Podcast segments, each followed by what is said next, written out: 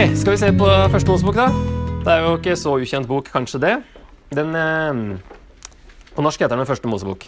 Eh, på engelsk og andre, andre språk, gresk og sånt, så heter den jo Genesis. Genesis. Mens på hebraisk så heter den egentlig I begynnelsen. Det er de første ordene som da ble tittelen på bøkene når jødene skrev. Det er sånn som når du lager et note på iPhone, så blir det første du skriver, det blir tittelen. så det er samme der. Altså de, de kalte det etter eh, de første ordene, eller noen, noen, av ordene i første setningen. Og det beskriver jo veldig hva det dreier seg om. Det er egentlig mange begynnelser som vi skal se. Um, men spesielt da universet og eh, menneskene, selv om det er mye interessante tolkninger av de første tre kapitlene og Israel, da, hvordan Israel ble, eller Abraham ble kalt, og at Israel kom fra han. Så det er opprinnelsen til Israel også. Eh, sånn grovt da, så kan vi dele den i to.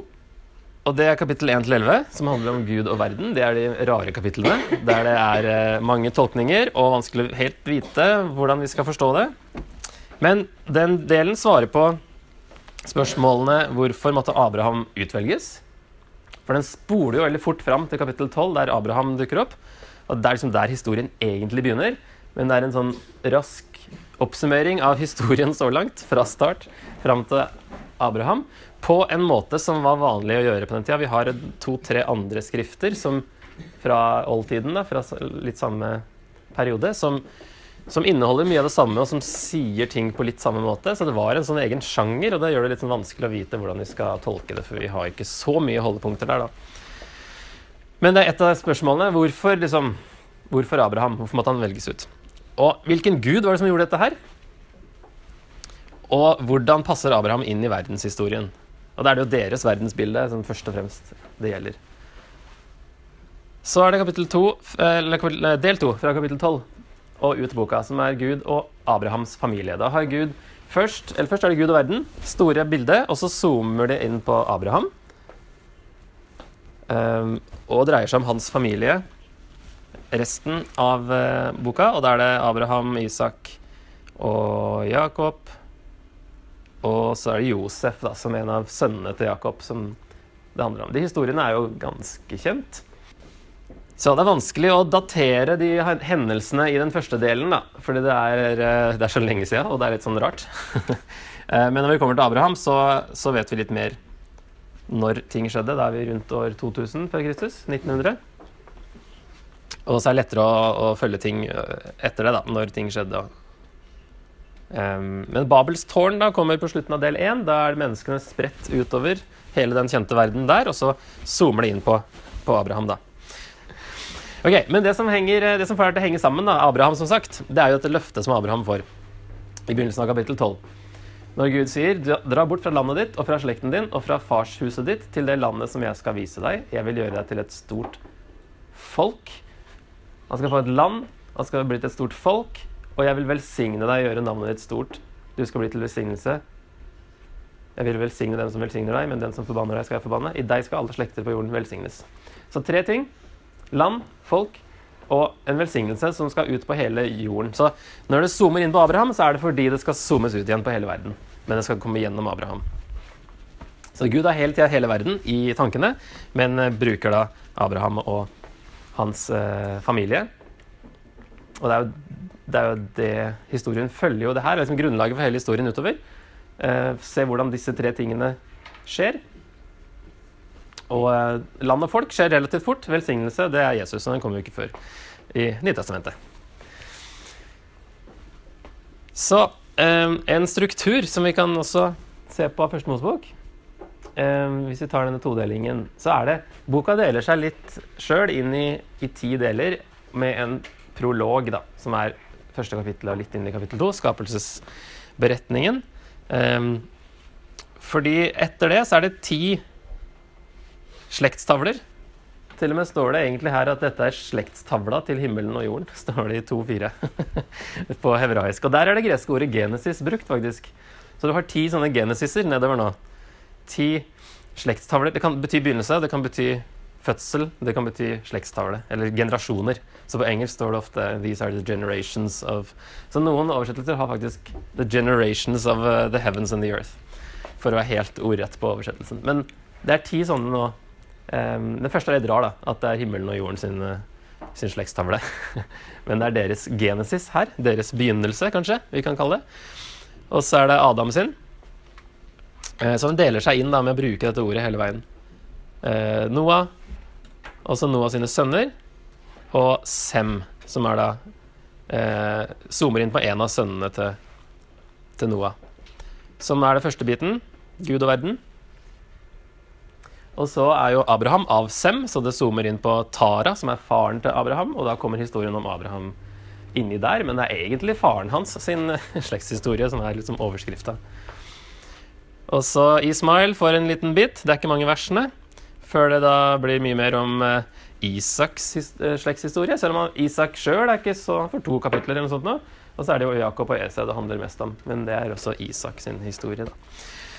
Esau får et kapittel.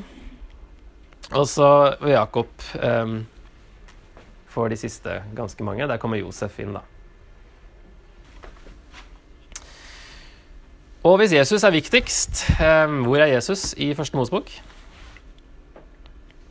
Um, allerede i 3.15 så sier Gud at en av kvinnens ett skal ramme slangens hode. Jeg vil sette fiendskap mellom deg og kvinnen, mellom din ett og hennes ett. Den skal ramme ditt hode, men du skal ramme dens hæl. Paulus eh, alluderer, det er en allusjon, ikke direkte sitat, eh, i Romerne 1620. Eh, om det å tråkke på eh, Satans hode og sånne ting. Eh, eller at Gud vil tråkke han eh, snart under deres føtter, sier han. Så det er et eh, løfte om at en eller annen etterkommer av Eva skal eh, ordne opp i det som gikk galt allerede helt i starten. Som sagt er Jesus velsignelsen til hele verden. Det forklarer Paulus i Galaterne 3. At det at alle kunne bli frelst ved tro pga. løftet til Abraham, det er Jesus, da, velsignelsen. Og så er denne Melkisedek-personen i kapittel 14, som eh, det snakkes mye om i Hebreerbrevet kapittel 5, 6 og 7 om at Jesus er en prest på Melkisedeks vis.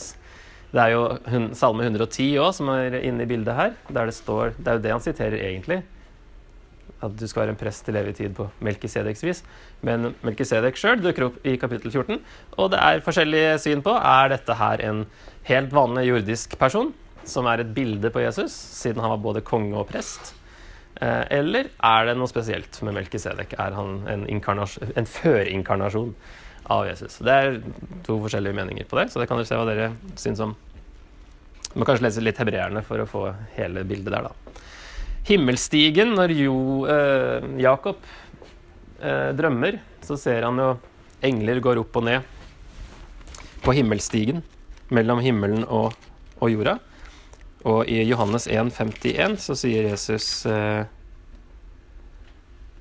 Sannelig, sannelig, jeg sier dere, dere skal se himmelen åpnet og Guds engler gå opp og gå ned over menneskesønnen. Og der står alt i kursiv, unntatt over menneskesønnen. Så der har Jesus tatt det her fra Første Mosebok, og så har han putta seg sjøl inn i den, settingen, den teksten.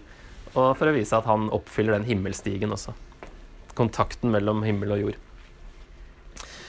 Uh, en konge skal komme fra Juda. Det er uh, på slutten når um, Jakob dør uh, og han velsigner alle sønnene sine, så snakker han til Juda, som var en av sønnene hans, om at uh, septeret skal ikke vike fra Juda inntil han som eier den, kommer, han som folkene skal lyde. Ja, og herskerstav fra hans føtter, ja. Snakker om septer og herskerstav, at det skal komme en konge fra Juda. Og der har vi hele løven av Juda-bildet. er jo her for han kaller Juda Du er som en løve, og det skal komme en konge fra deg. Så det er jo da til den største kongen. Si. Alle, David var jo av Juda, så det er liksom første store oppfyllelsen. Men så er det jo Jesus som er Davids sønn, og det som David peker framover igjen mot. Så hele den GT-historien handler jo egentlig om slektstavla til Jesus. Det er jo derfor vi følger Abraham, og derfor vi etter hvert følger Juda, og vi følger David og hans historie, og så kommer vi til slutt fram til Jesus. Så det er egentlig Jesus sin, sin familie- eller slekts historie da, i eh, Første Mosebok og utover i Gammeltestamentet.